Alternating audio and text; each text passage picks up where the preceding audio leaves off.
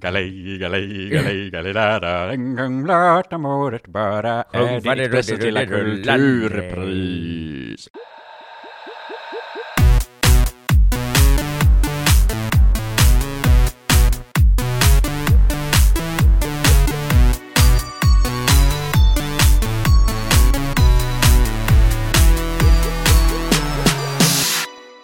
Välkomna till Ytspänning, podden där vi guppar på ytan, likväl som djupdyker ner till havsbotten.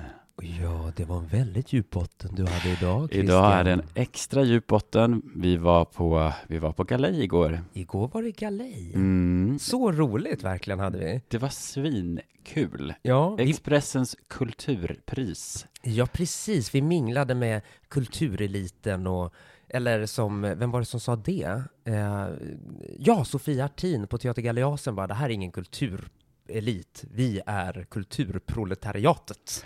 Oh, ja, det, det vill man ju gärna tillhöra. Eller hur? Jag Ja. tyckte det var nästan lite poetiskt sagt. Ja, och gratis, eh, gratis bar. Alltså hela kvällen lång. Så Ja. gott var det. Det var så gott. Det var läskande, Ja det, var, jag. ja, det var läskande och väldigt bra för våra stackars eh, fattiga, trasiga plånböcker. Ja, ljuvligt, Mm. ljuvligt. Apropå att vara kulturarbetare och så vidare. Ja, OSV. OSV. Ja, hur är det med det annars? Åh, gud, jag tycker fast att det är helt okej i livet. Idag är ju då lite bakis, jag måste väl erkänna det. Får börja Mm. med gnällpodden här igen. Nej, men jag mår jättebra och eh, imorgon börjar jag ett, eh, en ny period på jobbet. Jag jobbar ju på eh, Stockholms dramatiska högskola, SKH, eller Konstnärliga högskolan de bytt namn till. Mm. Eh, så jag börjar jobba där igen imorgon. Du väljer ut eh, framtidens skådespelare. Ja, jag sitter i antagningsgruppen, heter Mm. det. Eh, förut sa man ju juryn lite eh, slarvigt, men eh, nu för tiden är det antagningsgruppen och det är väldigt bra för att det ska inte handla om någon jury som sitter och plockar. Vad tittar du efter, Alexa Lundberg? Det får inte jag säga. Jag får egentligen inte prata så mycket mer om det här Nej. än att bara säga att jag gör det. Ja, Det är liksom ett hemligt uppdrag. Nej, det är det inte. Det är, ett, det är myndighetsutövning, så att eh, eh, jag ska inte sitta här, och eh, avslöja hur jag tänker eller... eh, då, då drar vi ner gardinen där. Ja, där, nu, nu åkte den ner väldigt tjockt. Eh, hur är det med dig, min kära vän? Jo, men det är bra. Ehm, det är bra. Jag släpper en singel om två veckor. Kul. Ja, Gud verkligen. Hoppas att... ja, vi kan ju spela den kanske då, när den släpps där kring. För Ja, oss här i podden. Ja, vi gör som ett litet radioprogram, eller så här lite låtpaus. Mm. Bam. Bam! Ja, nej men så det känns kul, så det är lite, är en liten, eh, en liten releasefest, en liten slutet, för ett litet slutet sällskap och eh, ja, höll på att planera och fixa lite med det. ja du har eh, fått tag på ett galleri, va? Med... Ja, men precis, Galleri Axel, som är ett riktigt litet ställe, men det ska bli väldigt härligt att göra något, bara Mm. litet, litet mysigt. Ja, men du, jag, jag har faktiskt varit på ett boksläpp där en gång. Det är världens mysigaste lokal. Och Mm. även om det är litet, alltså det går in folk alltså. Mm. Om man också står lite utanför och liksom man får komma in och gå ut och sådär. Ja, men precis. Ja, men det ska bli kul. Mm. Vad ska vi göra idag? Jo, vi ska prata krämer. Ja, det ska vi göra. Alltså det här är ju också, eh, om serumet var det ju förra veckan då, det är, är ju vårt favoritsteg har vi väl sagt Mm. någon gång. Men det här är alltså, det är Ja. hack i häl alltså. Ja, det måste jag nog också säga faktiskt. Det är liksom, ja, det är något väldigt härligt med att bädda in i sitt ansikte. Är massor av krämigt, fuktgivande mums. Med SPF och solskydd och allt Mm. vad det Allt göttigt. Och så Ja. blir det skam. Ja, i djupdykningen. Ja, Gud vad vi ska gotta oss i orimligt mycket skam har vi valt att kalla ja dagens djupdykning. precis. Mm. Eller hjälp. Ja, Men, eh, precis. Eh, paniken i dina ögon just nu är väldigt oslagbar. Allt för er, våra kära lyssnare. Men nu drar vi över till ytspänningen. Kräm.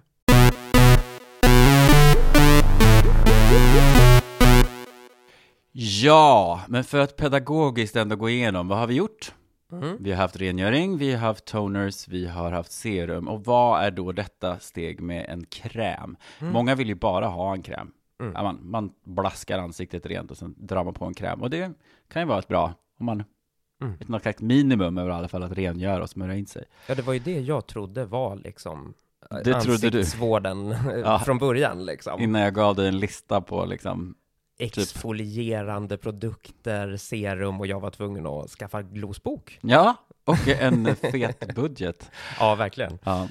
Nej, men det här är ju liksom framförallt det steget då som ger, alltså även ett serum kan ju förstås ge fukt och sådär, men, men den, eh, ja, ge fukt till ansiktet, balansera talgproduktion och eh, skydda skapa en, stötta upp liksom barriären i huden också så att det inte tränger in massa otrevligheter.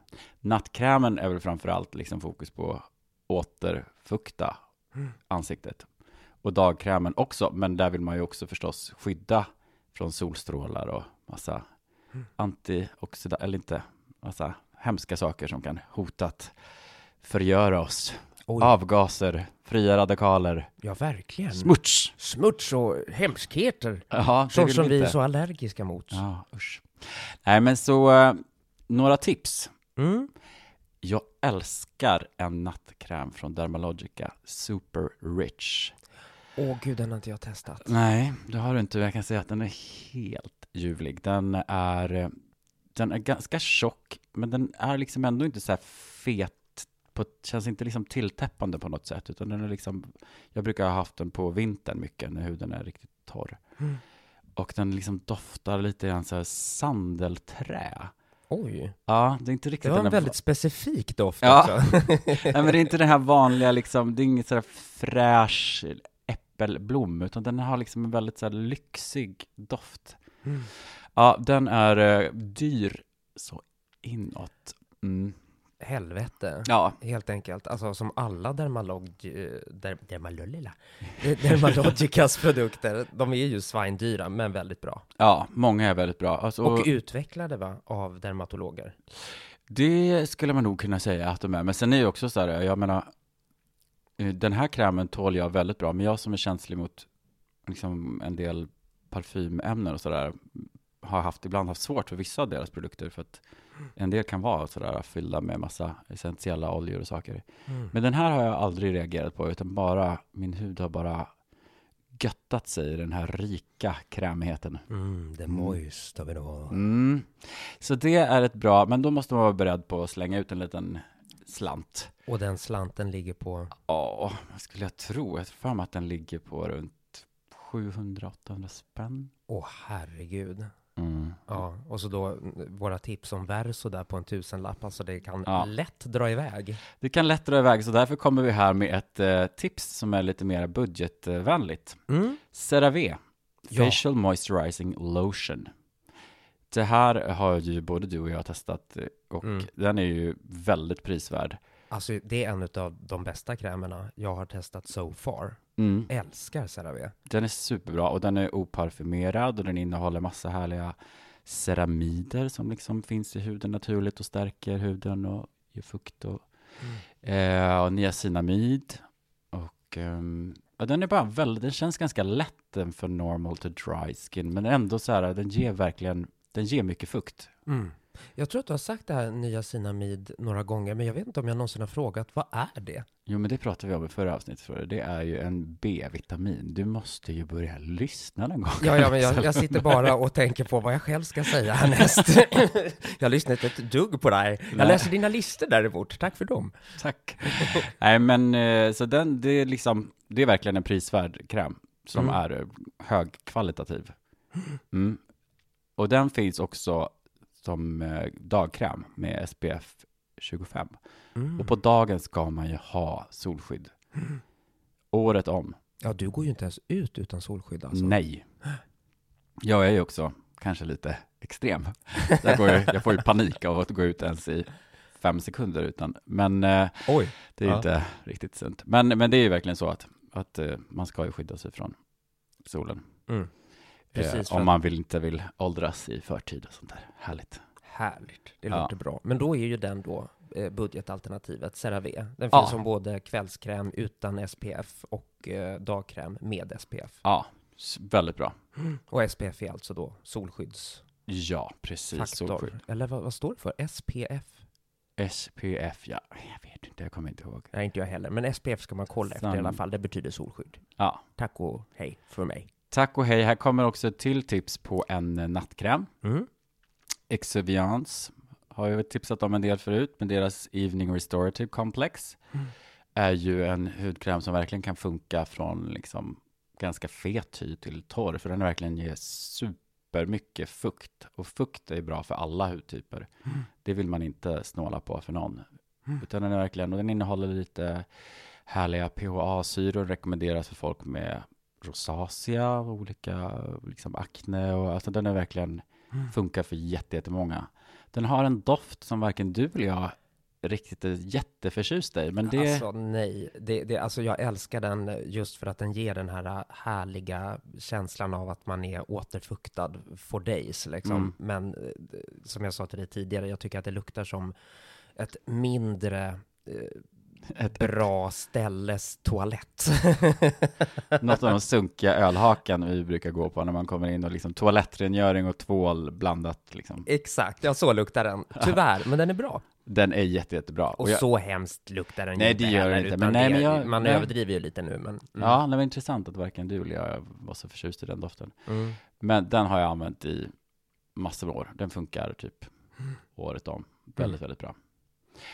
Och eh, sista tipset för idag, Mm. när det kommer till krämigheter, Ja. blir Bare Minerals Complexion Rescue. And it really is a rescue. Det är en total, det här är alltså en dagkräm med eh, solskydd. Man skulle kunna kalla det för en BB-cream, alltså den är färgad dagkräm. Så att den har, den är inte jättetäckande, men ger liksom en väldigt snygg hud. Alltså den, den ser väldigt naturlig ut, men ändå bara ger den ett visst glow och ett jämnare hudton och bara, Mm. jag har inte hittat någon bättre BB-cream än så länge. Mm.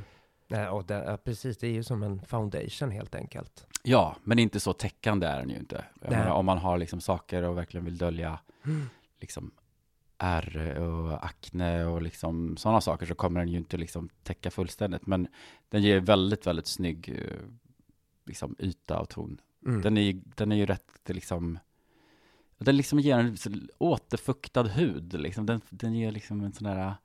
Den är inte glowy i den meningen att den är på något vis har skimmer i sig. Men det är någonting som gör att huden ser lite fuktig ut med den på något vis. Mm. Ja, den ser fräsch, Ah. frisk. eh, Ja.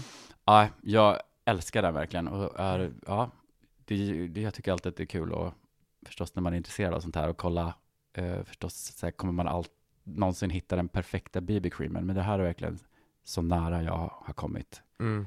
faktiskt. Ja, men visst. Och jag, efter att jag själv provade den eh, och har börjat använda den så ser jag den överallt tycker jag. Liksom att det är många influencers, youtubers och så vidare som liksom verkligen Ja. rekommenderar den. Så att den är ju, den verkar funka för fler än bara oss två liksom. Ja, verkligen.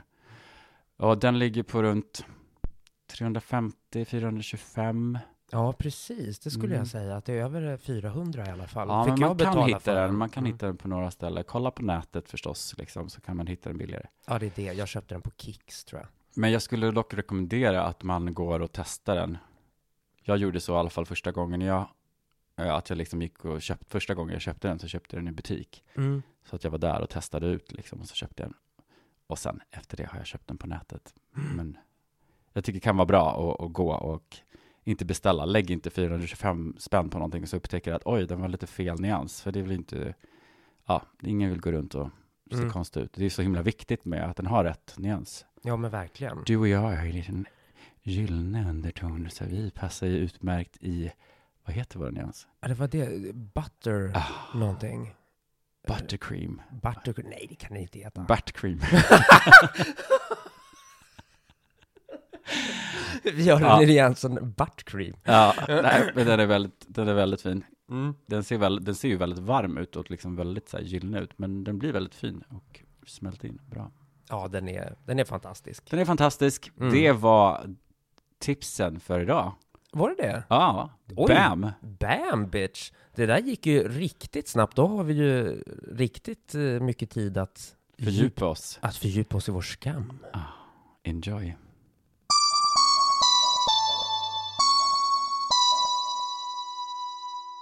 Ja, temat för dagens djupdykning. Orimligt mycket skam. Ja, Det känns som något som har präglat både ditt och mitt liv ganska mycket. verkligen. Vad, vad minns du som den liksom den första skammen? Åh herregud. nu, nu är det verkligen djupdykning här.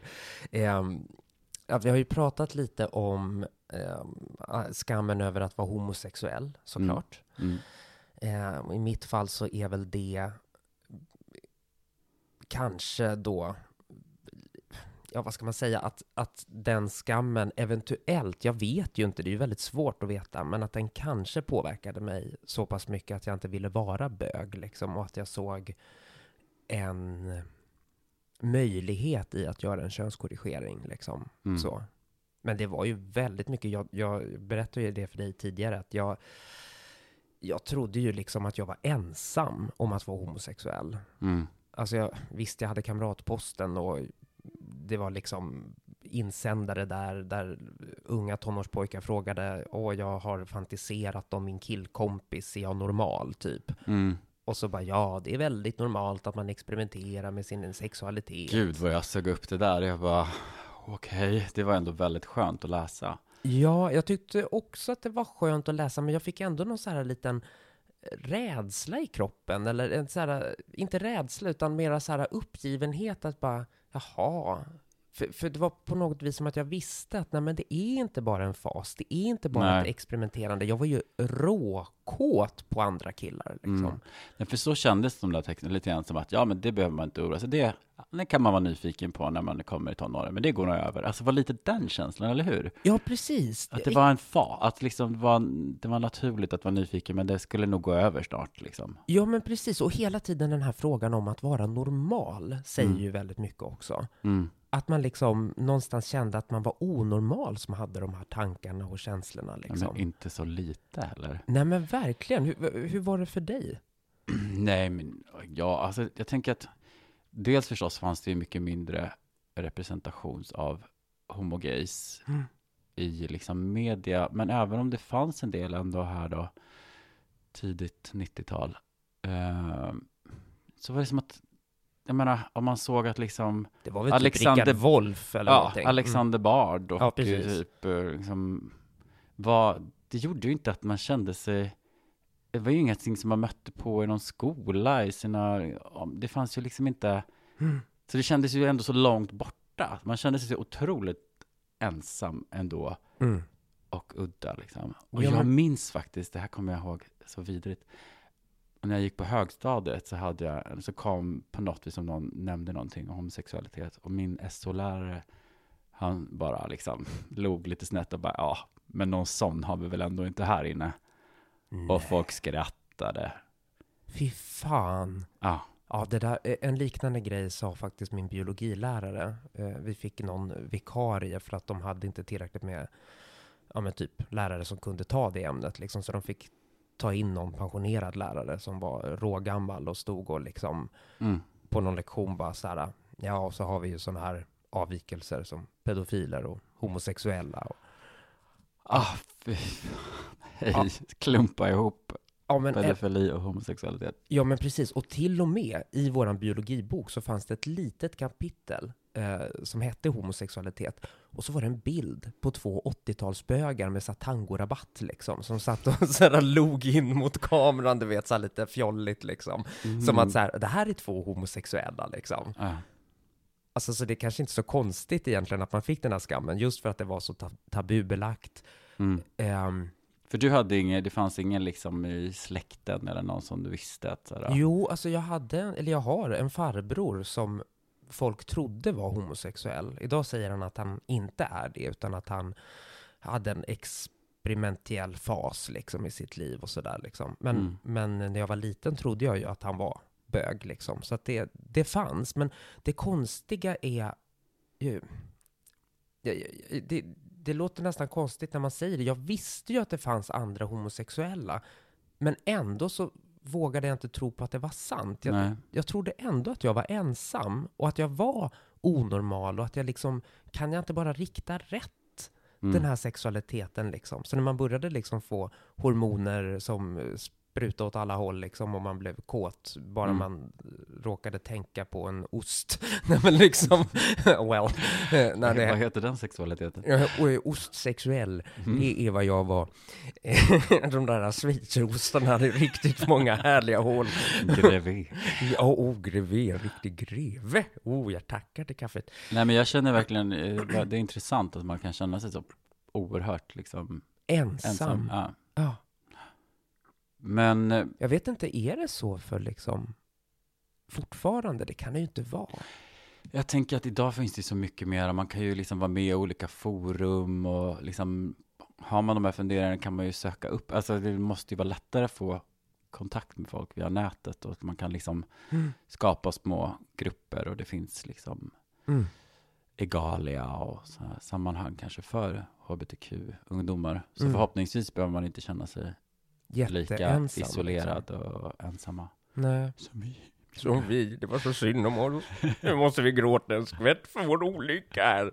Nej men alltså jag gick i och för sig, när jag var 16 så kom jag ju ut som bög. Just det, för du är ju ändå uppvuxen i Stockholm. Det är ju lite skillnad mot mig som växte upp i en liten byhåla. Jo men precis, och vi hade ju, jag tror att jag har berättat om det tidigare också. Eh, vi hade ju BUS, bi och homosexuell ungdom i Stockholm. Mm. Eh, en ungdomsgård då. Eh, Mm. Som var fristående tror jag. Eh, några eldsjälar liksom som drev. Det var en barack i Vanadislunden typ. Okej. Eh, jättefint och mysigt och bra initiativ liksom sådär. Man hängde där, man fick kompisar där, det var disco någon gång minns jag. Killarna hade glitter på sig och tjejerna eh, var lite mera så här, ja, frack. Ja, inte frack kanske, men kavaj liksom Mm. och någon slips. Men lättade inte någonting då av skam och liksom när du fick träffa andra som och liksom Jo, alltså det var ju, det var ju en sån release, verkligen, Mm. att träffa likasinnade. Samtidigt då, jag tror att jag sagt det här tidigare i podden också, att eh, samtidigt som att jag fortfarande bar på en sån, alltså orimlig skam, mm. eh, apropå våran rubrik här, den, Mm. den var verkligen orimlig. Mm. Jag- Alltså jag, den var bottenlös. Alltså jag, jag kunde liksom... Jag vet inte vad det var, om det var hur andra människor uppfattade mig eller hur jag trodde att de skulle uppfatta mig eller eh, att man liksom gjorde sig eh, omöjlig på något vis eh, för, för samhället, att man kom ut med den här sanningen liksom. Mm. Alltså vad ska man passa in? För det var ju fortfarande, det var ju inte så att alla var, det, alltså jag menar, min första Pride-parad, det var ju faktiskt när det var Europride 98. Mm. Det var eh, min första också. Är det sant? Mm. Men gud, vi, alltså tänk om vi träffades där Christian. Eller och såg varandra i alla fall liksom. Ja. Den gick ju från eh, Pride Park där i Tantolunden till Skansen, var det va? Ja, jag minns inte. Nej. Men- Det låter för sig som en väldigt lång promenad, den kanske börjar någon annanstans. Jag minns i alla fall att den slutade på Skansen, för det var så här stor gala där med Dana Mhm. International och, Mm. och det, gänget. Var, ju- hade ju vunnit då precis. Ja. Men jag minns ju på tal om skam liksom, så var det ju Ja. så jäkla hemskt att jag minns ju den Pride-paraden att jag var då på liksom första gången på en Pride-parad och jag var ju så jävla skamfylld i mig själv så att Mm. när jag kom dit och såg alla människor som var där av olika slag Mm. så tyckte jag att de var men gud, de har ju jättefula. Det här var ju inte alls så glamoröst. Jag ville ju liksom att allting skulle vara så snyggt och perfekt för att ta död liksom på min egen skam. Att det skulle kännas så här Lite Hollywoodfilm classy liksom. och glamoröst liksom. Och så satt Mm. liksom små homogay-par och liksom vanliga Överviktiga, människor. Och, ja. precis av alla de slag. Skamfyllda, fjolliga, butchiga, eh, alltså för mina ögon då liksom jättekonstiga. Mm. Och jag och liksom bara, nej, det här vill inte jag förknippas med. Alltså så Mm. vidrigt. Men det är väldigt många av oss som har den där, för att man har så mycket skam, så man kan liksom inte hantera att när man väl ska komma ut med det här och så bara, men det här är ju inte alls, det här känns ju inte, det här känns ju bara hemskt. Ja, Ah. verkligen. Ja, men, eh, verkligen. Ja, men det där, I, I relate alltså. Men, Mm. men jag, jag tror att jag hanterade min skam på eh, lite annorlunda sätt. Eh, jag bara gjorde. Jag bara kom ut. Jag bara klädde mig i de fjolliga kläderna. Jag gjorde allt det där. Mm. Eh, sam, men, och samtidigt så kände jag de här enorma skamkänslorna och försökte på något vis med min radikala hållning, liksom att överkomma dem Mm. på något sätt? Ja, jag tyckte att det var svårt. Jag minns då flyttade jag till Stockholm 97.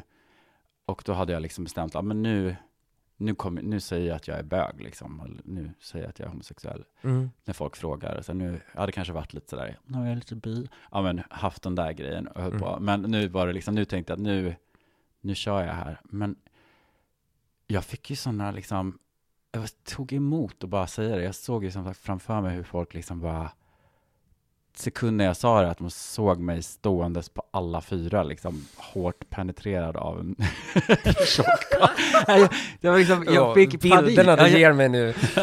Nej, men jag, jag, jag tyckte själv, jag hade ju kvar så mycket av skammen liksom, och satt så starkt så att jag skämdes ju något så inåt helvete att få försöka frigöra mig från det där liksom att så här, åh gud, tänk, nej, jag får inte tänka så med mig, och nej, jag är inte, jag är inte sån, nej, nej, ja, det var Mm. väldigt, väldigt svårt. Hur, hur bröt du dig ur den där skammen då?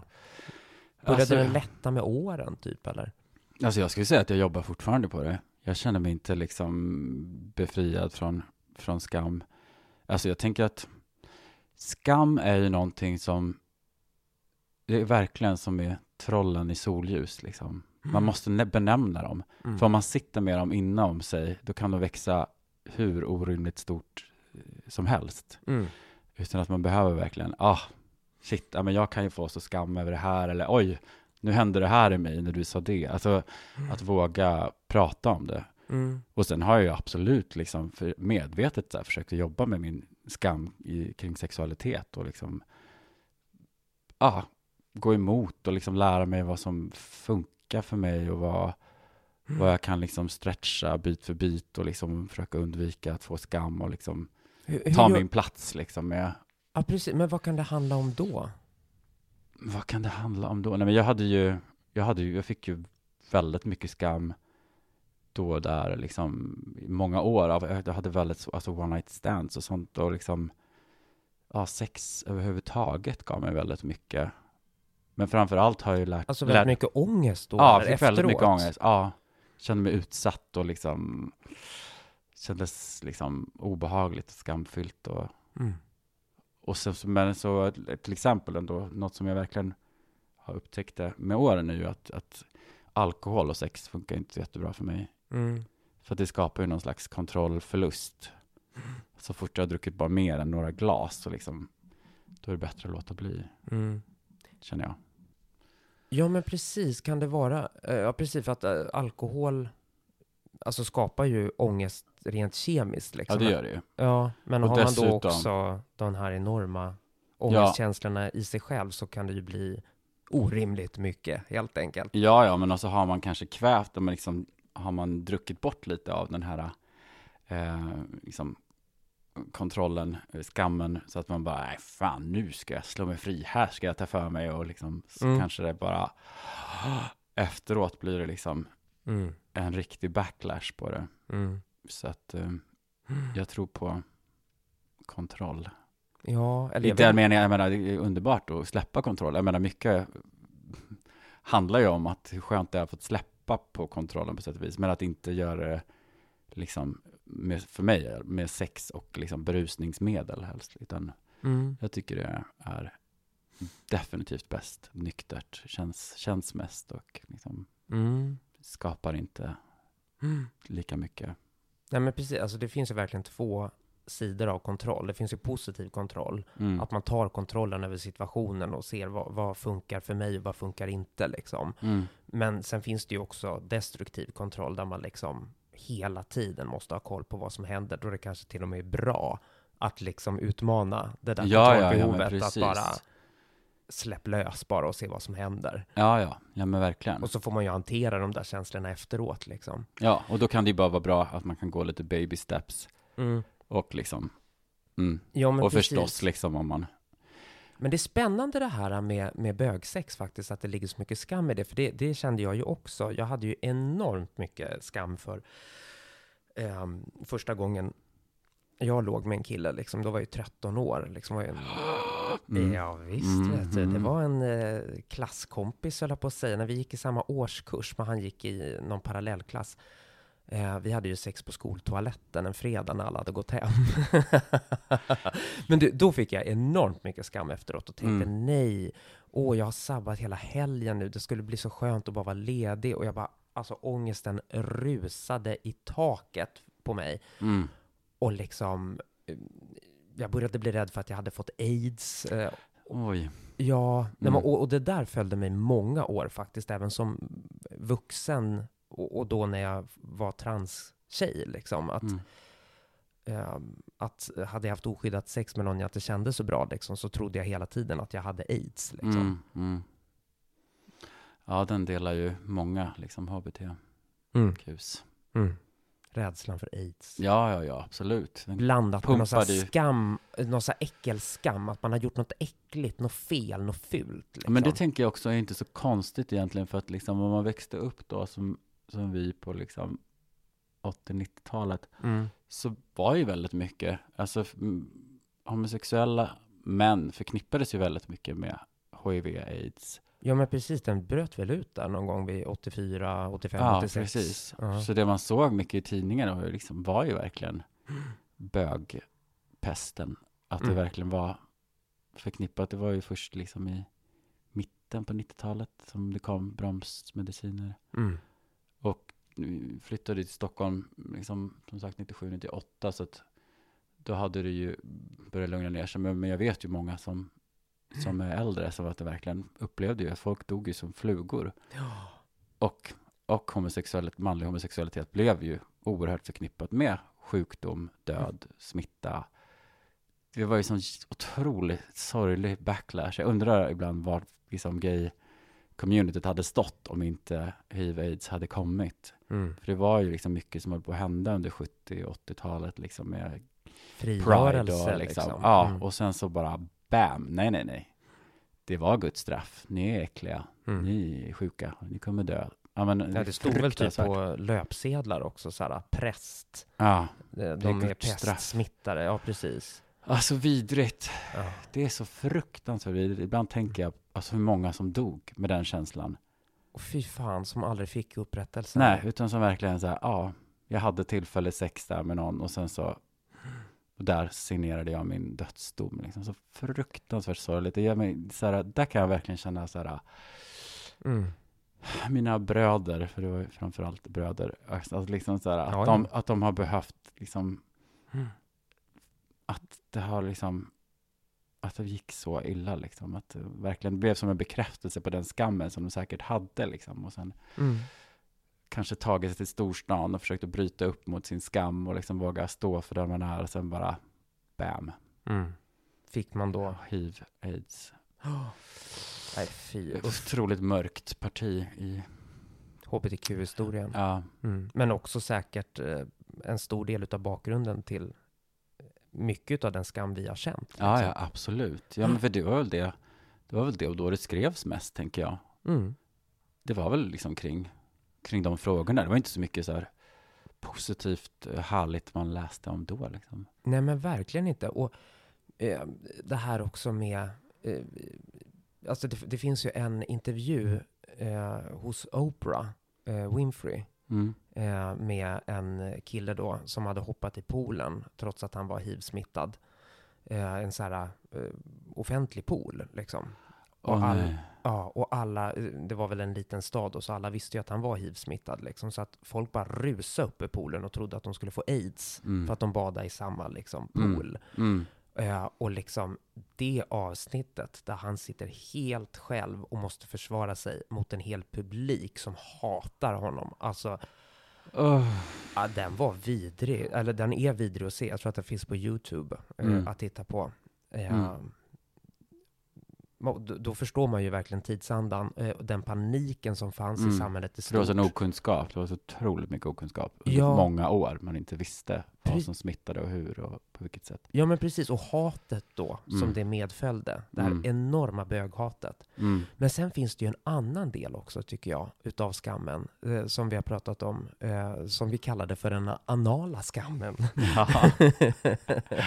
Vad, vad handlar det om? För det vet jag, Eh, det, det, kunde jag ju få höra då, liksom, när jag kom ut som bög, liksom, att du, mm. liksom, ja, bögar de tar ju varandra i rumpan och liksom mm. bajspackare och sådana grejer. Ja. Liksom. Alltså, så det är ju inte bara någonting som homosexuella män har varit eh, känt bara skam över lite sådär, utan alla har ju någonstans haft någon fantasi om det, det snuskiga mm. analsexet. Mm. Liksom. Ja, och ja, men gud, det kände jag ju verkligen. Det tog många år innan jag kunde ha analsex överhuvudtaget, för att jag tyckte att, jag, någonstans för att jag höll med. Ja, att jag trots att, att jag du liksom tyckte kunde, det var äckligt liksom. Ja, men trots att jag kunde fantisera kanske om det liksom i hemlighet för mig själv nästan. Men, mm. men så var det ju verkligen något som var sådär, det var så himla invand vid liksom det heterosexuella sexet som på något vis ändå har någon slags eh, biologisk funktion. Om liksom, att liksom så här, ja, ja men det, det är ju fan djupt onormalt att man ska vilja knulla varandra i stjärten. Liksom. Mm. Alltså ja. att jag höll med någonstans om det. Att jag tyckte att den, säkert att det, det, var så, jag var så indoktrinerad av den liksom, idén. idén, så att jag själv tyckte också att liksom, men, uh, som sagt, om jag berättade att jag skämde, att jag tänkte att folk trodde det. Mm. Jag är bög. Ja, oh, nej, nu tänker de att jag den, den djupa anala skammen. Alltså ja. verkligen djup. Det, ja. alltså, men, och vad handlar det om ens från början? Liksom, är det någonting då, alltså det du sa där med rätt produktion, Dels. att det ska, du ska göra nytta. Du, det, man, man, ska inte njuta bara för njutandets skull, liksom, utan Nej. det ska ha en naturlig... Precis. Det ska komma ut något också. Och inte bara då, inte bara brunt. Nej, men jag tror inte att det är det också, att man ändå liksom, ja, men att man har lärt sig att liksom allt som har med, med ändtarmen att göra är något djupt, eh, liksom, snuskigt. Ja, orent. Mm. Så att tanken på var ändå så här, men det måste väl ändå vara kanske onormalt. Mm. Och ändå är det det som i årtionden har varit så himla hett inom porrindustrin till exempel. Ja. Jag menar heteroporren. Ja, ja visst. Och det har väl blivit, det har väl väldigt mycket blivit, bland, bland heteros har ju Alltså definitivt bland mycket, heteros. Mycket ja. vanligare praktik. Ja. De har lärt sig av bögarna helt ja. enkelt, trots all skam. Ja, tacka bögarna för ja. den, den anala glädjen. Ja, precis. Den anala skammen blev den anala glädjen. jo, men jag minns att jag tyckte att det var en stor skillnad mellan att ha liksom oralsex, att det kunde jag på något vis ändå Acceptera. stå för mer. Ja, mm. men verkligen. Men att, men att verkligen, nej men analsex, det är ju ändå, det är ju ändå något konstigt över det. Mm. Tråkigt nog att man hade det i herrans massa år. Ja, verkligen. När det är, kan vara en sån fröjd. Det kan vara som, hoppla Kerstin, upp på hästen. Men jag tänkte på när du kom ut då som transtjej mm. och liksom skulle lämna det här mm. bögeriet bakom, bakom mig. Mm. Kände du att liksom minskade det någon skam då? Liksom kände du själv att men, nej, men mm. jag är ju en tjej liksom och då, då är det inte lika skamfyllt. På det Absolut. Ja. ja, ja, absolut. Jag tänkte ju... Eh, ja, det blev lite... Ja, ja, det blev definitivt så. Alltså, det var ju väldigt mycket det här liksom att jag kom ut med buller och bång och jag började liksom att klä mig feminint och jag var väldigt fjollig och jag liksom älskling och sådär sa jag till mina kompisar och liksom, alltså jag levde ut alla schabloner som fanns liksom. Mm. Eh, men så då när jag kom ut som transtjej, då gick ju det också väldigt snabbt. När jag hade träffat de där transtjejerna i Pride Park som jag har berättat om. Mm, eh, tidigare avsnitt. Mm, mm. Precis. Eh, då kände jag ju att åh, det här är rätt och det här är rätt väg och liksom och då blev det som någon bonuskänsla liksom att ja, men vad bra, då behöver jag ju inte vara onormal. Mm. Behöver ju inte vara den här eh, fjolliga bögen som alla kanske accepterar men helst bara vill nita liksom. Mm.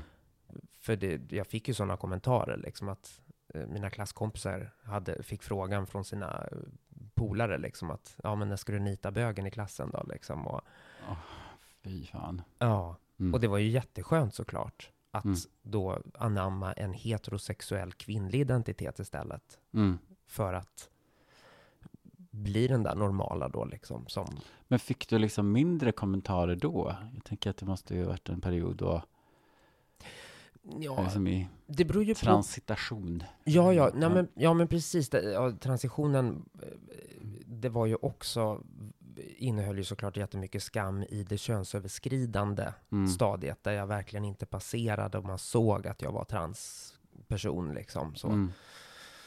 Ehm, så när jag liksom, men, men det har jag ju berättat för dig, vet du, att, att jag, jag hade ju väldigt mycket fantasier alltså. Jag, Mm. jag, kunde, jag menar, jag tänkte ju bort min snopp i perioder. Alltså att, liksom, nej den finns inte. Jag har en vagina mellan benen liksom. Alltså jag, Mhm. ja, Du har ja. haft en liksom väldigt stor möjlighet att på något vis få dina fantasier att kännas så verkliga. Ja, absolut. Det, men det är väl, Fascinerande. ja, men det är väl därför jag är konstnär också. För att jag är, är så fantasidriven liksom. Alltså, Mm. Men det är klart att det bottnar i min barndom där jag liksom eh, var väldigt ensam en lång period liksom. Mm. Eh, när andra fick kompisar och sådär liksom, så var jag det udda barnet liksom. Så att fantasierna var ju det som stod till buds liksom. Alltså, Ja. Fantasivärldar där jag kunde vara andra personer och sådär liksom. Det har ju följt med mig. Jag är fortfarande väldigt mycket i mitt huvud. Mm. Eh, även om jag inte låter fantasier styra mig så hårt längre. Men Nej, det, var- men det, kanske du inte skulle kunna på samma sätt kan man väl tänka. Nej, nej men alltså det, man blir ju äldre. Det är ju bara så. Man, man utvecklas, man blir klokare, man blir visare och man får syn på saker och sådär liksom. Mm. Men eh, det fanns absolut eh, stunder, till exempel om jag var på fest och så bara gick jag förbi en spegel och så såg jag, oj, är det så här jag ser ut? Mm. När jag liksom såg att nej men jag passerar ju inte som tjej, jag, jag, det här är ju en transa, Mm. som man sa då liksom. Det, det, är ju inte en tjej. En kille i en klänning liksom. ja, Mm. Precis, det syns ju att jag är kille liksom. Då kunde jag bli så vansinnigt, egentligen inte så mycket, jo men lite skam såklart, men mera blev jag nog nerslagen liksom av, av att verkligheten hann ikapp mig för en sekund. Sen tänkte jag bort det igen, liksom att i mitt huvud såg jag ju mycket mer ut som en tjej än vad jag Mm. riktigt gjorde liksom. Så. Mm. Men eh, det är ju någonting jag tänker idag, liksom att drev den här skammen över att vara homosexuell mig så pass mycket att jag valde att göra den här könskorrigeringen. Eh, Det behöver ju inte Mm. bara ha varit det såklart. Jag hade ju velat vara tjej sedan jag var jätteliten liksom. Mm. Och på något vis fick du reda på där när du träffade de här tjejerna i Pride Park att det fanns en, Mm. att det var en möjlighet. Liksom. Absolut. Och just också för att jag såg att de verkligen såg ut som tjejer och de var snygga, apropå Mm. liksom, för jag har ju också haft den där eh, bilden av att, att ska man bryta mot normer, ja men då måste du åtminstone väga upp det med att vara snygg. Liksom. Ja, men så precis. för mycket verk, ja precis, så för mycket verklighet någonstans, att ja men ja, det är ju också bara vardagsmänniskor i skjorta eller någon klänning och man är lite mullig eller Mm. sådär liksom. Alltså, ehm, det blir liksom svårare att ta om man eh, samtidigt bryter mot normer så hårt då. Mm. Och speciellt i en tid där det bestraffades liksom. Ja. Och det inte alls var ovanligt med elaka kommentarer. Och, alltså de här första pridesen man var på, då kunde ju liksom hatare stå utanför och vänta på en liksom. Alltså, Ja. ja, det var ju mycket sådär, men det kanske finns fortfarande. Att man inte skulle gå därifrån själv och att det fanns, man kände att det fanns ett hot Ja. också. ja men precis. Mitt i all den här glädjen att ändå vara, Stoltheten. ja, att vara i ett sammanhang där man inte för en gång skulle vara minoritet, så fanns det också ändå något hotfullt runt omkring. Ja, men verkligen. Och, och, och jag menar, där är det så himla härligt när man går från Pride Park idag liksom, och man möts av eh, alltså gemene straighta liksom som ska in till parken eller Ja. folk som bara går förbi och som ler mot den och tycker att åh vilken rolig tillställning. Mm. Sådär liksom, alltså. Och det är ju också lite intressant med tanke på skam, att Pride eh, står för stolthet. Att Mm. det är ju någonstans ur skammen till stolthet. Ja, ja, ja, verkligen. Ja, men det har ju präglat förstås Hela... HBTQs hela... Ja, Ja. och det, det är väl egentligen en självklarhet. Men, men just det här eftersom man var så ensam med sin skam, Mm. så är det ju någonstans skönt att veta att man inte är ensam med att känna den här Men Eller det är har det som jag tycker är intressant med det, att, att liksom, det finns ju knappt, det börjar ju bli oerhört få gayklubbar. Och jag vet inte hur det ser ut med liksom sammanhang för transpersoner, men det börjar ju verkligen bli ovanligt. Det finns färre och färre barer, färre klubbar. Mm. Och jag, jag tror ju ändå så här att även om det är mer accepterat och vi har andra mötesplatser genom nätet så tror jag ju ändå att det finns någonting väldigt viktigt i att få känna sig som en del av liksom, en majoritet för en kväll eller för några Pride-dagar att inte känna att man är den här som känner sig så ensam och isolerad. Och, Mm. Men kan det ha eh, en annan förklaring också, eventuellt, eh, tänker jag? Eh, att i- det inte behövs lika mycket längre. Eller? Ja, att Mm. man liksom, man är en del utav gänget ändå. Ja, men det, alltså det, det är absolut att det har gått framåt på många sätt och att många kanske inte känner sig.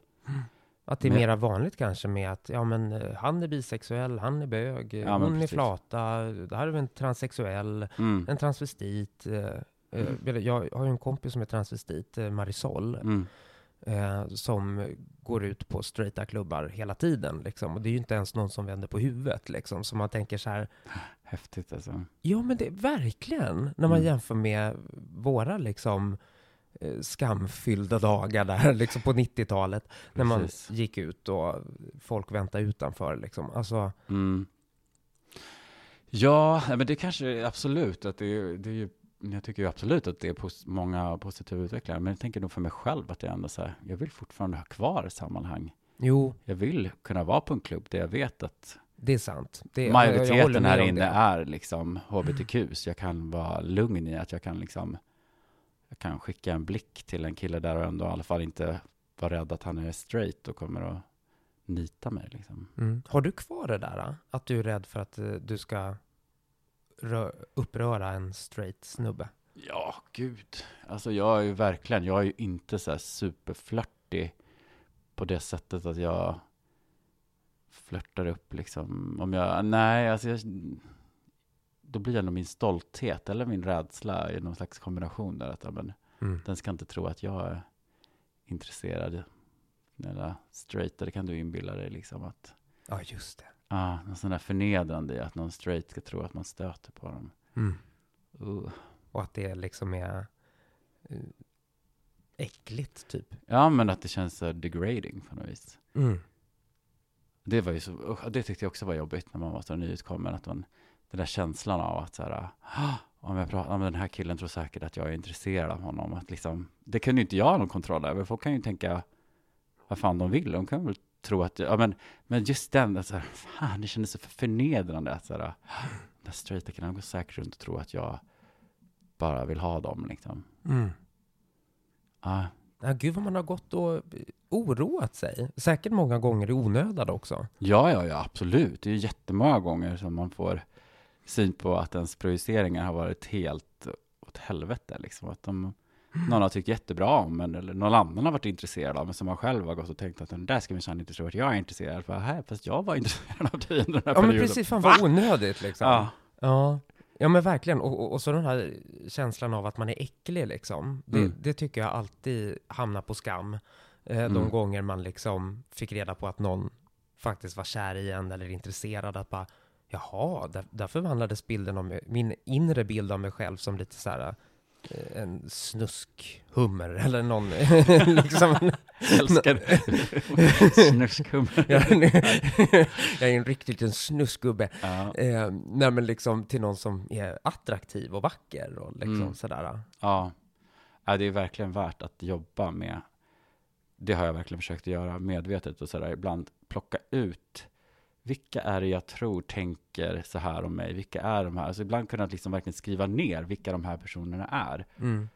Och sen har jag kanske fått bevis och när jag väl synliggör det så bara, fast men den här personen skrev jättepositivt om mig där och den här personen har ju delat min musik och varför skulle den känna sånt förakt för mig? Eller liksom Mm. att det är så jäkla lätt att skapa sina egna, Demoner. ja, tyvärr. Ja. Och det är så fruktansvärt onödigt för att livet kan ge en jobbiga stunder ändå utan att man behöver skapa dem och sätta en massa begränsningar och skam på sig Verkligen. själv.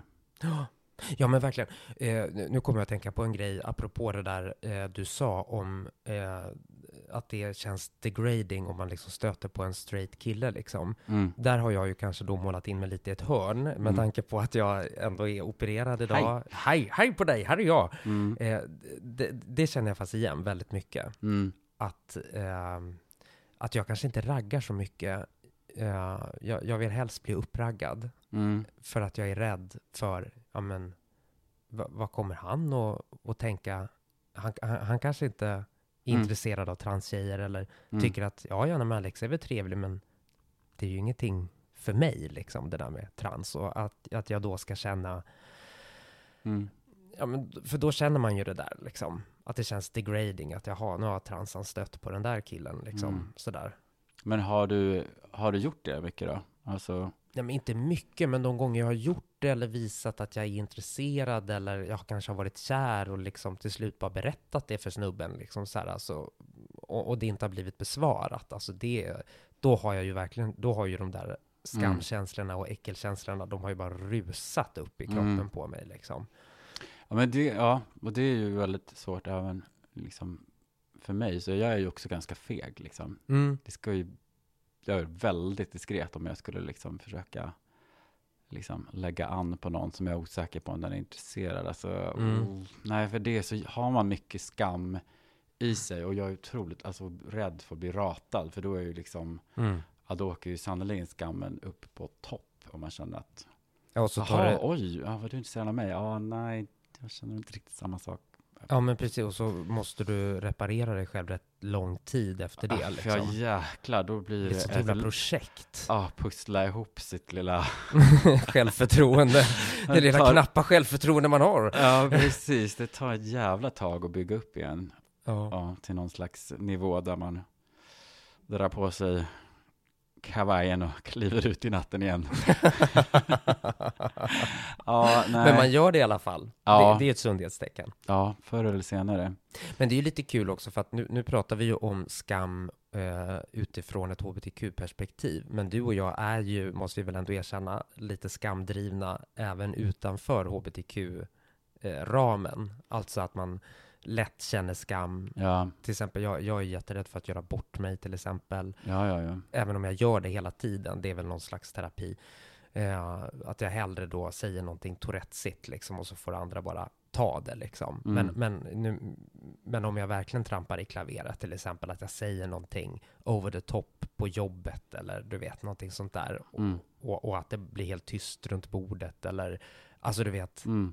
då är det ju normalt att man känner lite skam, men, men jag kan verkligen känna mycket skam Mm. och liksom orimligt länge framöver. Alltså jag kan ju fortfarande komma på saker från när jag var liten. Ja, men alltså jämt. Jag har så många situationer som är så här, Ja, men snälla någon, kommer det här all, kommer jag fortfarande känna skam för den där gången när jag var fem år och den här otroligt, liksom idag till synes liten situation som jag bara, ja men de tyckte väl bara att du var ett barn, de tyckte väl att det var gulligt liksom, släpp det där. Men ja verkligen. den där skammen, nej, de där, det är så jäkla många situationer som går på repeat i mitt huvud som jag Ja, tycker är så jäkla sjukt. Som du säger, så att ja, definitivt mm. finns det mycket. det är ju nästan som, vi kanske har någon ångestsjukdom eller någonting liksom. Vi bara måste hänga upp den på någonting. Ja. Ja, om någon vill diagnostisera oss så skriv till Ytspänning at gmail.com. Eller ytspanning ytspanning at at gmail. gmail.com. Ja, gmail. Det ska vara så internationellt. Ja, här jobbar vi. Här jobbar vi med engelska. Ja. Okej, Christian. Ja. Eh, what's... the- ja, nu skulle jag skoja och det gick åt helvete. Så går det när man är bakis. Hej på dig. Hej. Ja, men vi eh, börjar närma oss avslutet, va? Ja, vi gör faktiskt Ja. det. Även om det känns som att vi Skulle har kunna prata krafsat på ytan på skam. Ja, men det, det är ju så delen. svårt. Eh, Det är ju ett sånt stort ämne att dyka ner i. Men jag tycker nog ändå att vi har ramat in några... eh, Ja, vi har bara blottat oss egentligen. Ja. Hej, välkomna och varsågoda. Ja, nej men, men ändå några saker har vi ändå nämnt som kanske ändå har varit liksom saker som har hjälpt ändå lite Ja, grann. Eller, Eller? hjälpt och hjälpt. Nej. Alltså det här Strategier. samhället, alltså att, att nyttoeffekt Nej, i allt man gör. Nej, det behöver vi inte känna ansvar för. Det menar jag Nej, inte. den som är behjälpt, eh, håll till godo. Och du som tycker att vi snackar skit, ja men hej på dig. Jag heter Alexa Lundberg Jag heter Christian Kaspersen. och vi ses, eller nej det gör vi faktiskt inte, vi hörs i... Nästa vecka. Ja det gör vi. Kram. Hej. Puss på dig din lille gris.